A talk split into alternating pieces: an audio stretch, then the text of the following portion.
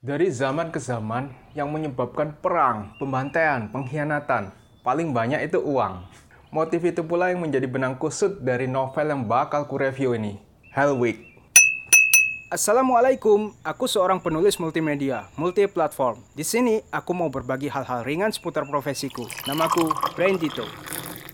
Di Kabupaten Duga, Papua, tujuh anggota gerakan separatis tewas oleh senjata pemusnah massal yang melibatkan gas sarin. Video amatir yang menggambarkan betapa mengerikannya keadaan ketujuh korban saat meregang nyawa bocor di dunia maya. Jadi viral, ramailah dunia internasional menyorot Indonesia, apalagi kalau bukan soal pelanggaran HAM. Tapi tentu pemerintah Indonesia membantah. Bukan hanya membantah sih, Presiden langsung menugasi Menko Polhukamnya meringkus dalangnya dalang yang memancing di air keruh ini. Menko Polhukam Joko Suyono segera mengadakan rapat terbatas, mengumpulkan Menteri Pertahanan Syarifuddin Sutasoma, Panglima TNI Bagus Waluyo, Kepala BIN Badan Intelijen Negara Samsir Sudibyo, dan Kapolri Sarwono Aji. Rapat-rapat-rapat, akhirnya ditunjuklah Rocky Patinama, orang BIN yang sekaligus jebolan Komando Pasukan Kata atau Kopaska, sebagai eksekutor dari operasi yang dikasih kode End of Day itu. Rocky ini orang Maluku ya, jadi ini keunikan pertama dari novel Hellweek. Tokoh protagonisnya dari kaum minoritas, orang timur,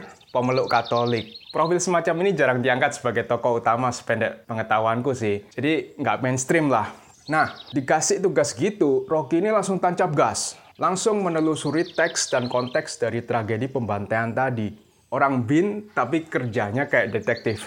Penyelidikannya, weh, sampai mana-mana. Sampai Berlin, Jerman, sampai Hangzhou, Cina. Seru lah, aku bisa menikmati. Karena pengungkapan fakta demi faktanya rapi. Lobby-lobby, teknik-teknik Rocky dalam menjebak lawan juga menarik disimak. Plot twistnya dapat lah. Nggak banyak sih, tapi sulit ku tebak. Motifnya sih ketebak dengan mudah. Tapi aku benar-benar nggak nyangka kalau pelakunya si itu. Novel ini juga komplit menurutku. Hampir semua bumbu untuk ramuan ketegangan ada di sini. Baku hantam, baku tembak, pengkhianatan, kasak kusuk politik, intrik, kejar-kejaran mobil mewah sampai kejar-kejaran pesawat, dogfight. Ya, meskipun dogfight ini ternyata cuma simulasi game. Ketipu aku.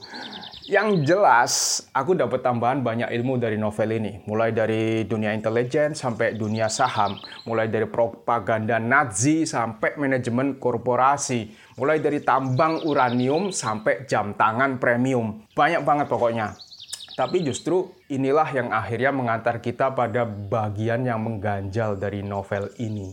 Jadi gini, novel ini strukturnya inverted ya. Katakanlah Hellweek kita bagi menjadi dua bagian. Setengah bagian pertama adalah pengungkapan pelaku atau istilah kerennya whodunit. Sedangkan setengah bagian kedua adalah why done it atau how done it. Penjelasan mengenai kenapa dan bagaimana pelaku melakukan kejahatan besar ini.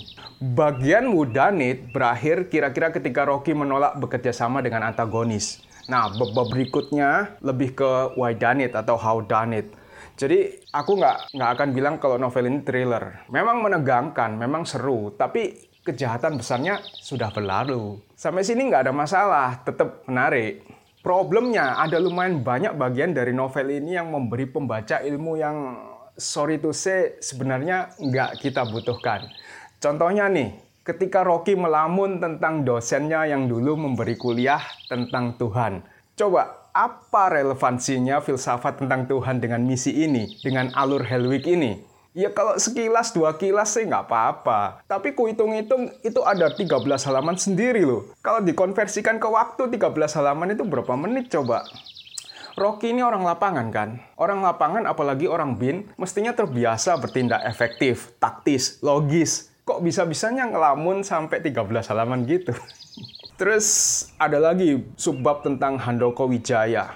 Itu ada di halaman 80 sampai 96. Berarti 16 halaman tuh. Memang Handoko ini penting peranannya dalam plot.